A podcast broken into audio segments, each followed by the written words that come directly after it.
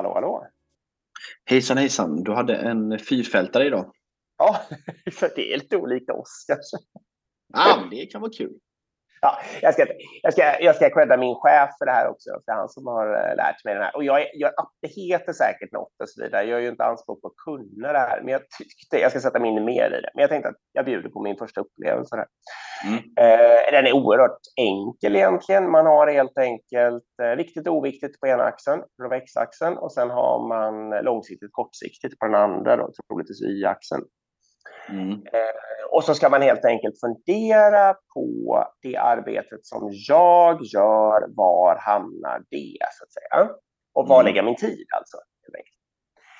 Eh, och det som ganska då snabbt kan hända, eller vi kan ju bara prova lite då, för då kan man tänka sig så här att eh, kortsiktigt och oviktigt, det kan ju vara att svara på artighetsmail då till exempel. Mm. Eh, och det kan ju då förekomma att, eh, att man gör det ganska mycket. Mm. Eh, ja, och då bör man inse det, att okej, okay, jag lägger min tid på kortsiktiga oviktiga saker. Och sen kan man ju då tänka sig kanske att man gör viktiga kortsiktiga saker. Man kanske har någon form av eh, drift eller produktion eller liknande och så kanske den stannar till exempel. Alltså det är ju en klassiker då. Eh, av vad man nu gör för någonting. Och då kanske man lägger jättemycket energi på att eh, lösa det och komma igång igen. Liksom. Och det är ju viktigt då, för det, är ju där, det, det påverkar kanske intäktsströmmen direkt. Eh, men det är kortsiktigt. Det beror ju på att man inte hade någon slags kvalitet mm. eller ja, ja, du vet. Och så vidare. Eh, så det, det, är klart att man gör det när man hamnar där då. Men då kan det ju ändå, alltså reflektionen som går att göra är ju då att hamnar jag ofta där? Eh, lägger, lägger nästan all min tid ponera att jag mig ur mejlfällan, då kanske jag fortfarande håller på att släcka bränder då. Det är ju där de här sagt, viktigt kortsiktigt hamnar. Eh, och hur kan jag i så fall göra för att flytta mig till eh, viktigt långsiktigt? Det är ju där man kanske tänker sig att mycket så kallat strategiskt arbete hamnar. Alltså hur ska vi förändra den här verksamheten? Vad ska vi ha för satsningsområden för framtiden? Men det mm. behöver ju inte bara vara ny stor innovation, utan det kan ju vara just att höja kvaliteten i den där produktionslinan som, eh, som ofta mm. får stopp och, och, gör att jag måste slita där. Alltså det, det är också en uh, långsiktig och viktig grej.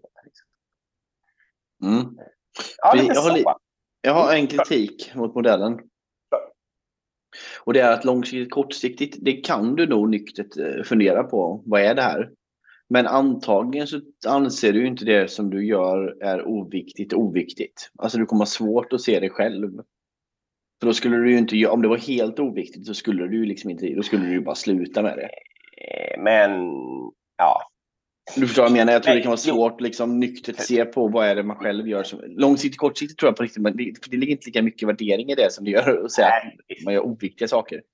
Men i och med att man gör det för sig själv och kanske berättar det för sina närmaste, precis som min chef har gjort då, till exempel. Ja, men till och med, jag sa, nu ska jag inte honom för mycket, men jag menar, han kunde mm. ganska snabbt identifiera att han gjorde vissa saker då som var mindre viktiga. Och just vissa sorters mejl tror jag hörde lite i den kategorin. Mm.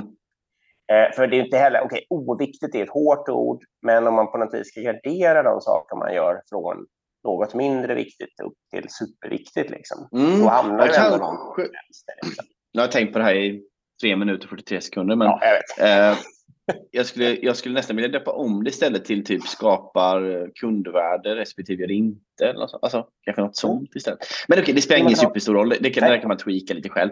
Jag håller med dig om att det som vore intressant mappning vore ju att titta på då senaste månaden och distribuera då i de här fyra fälten procentuellt. Vad lägger jag min tid?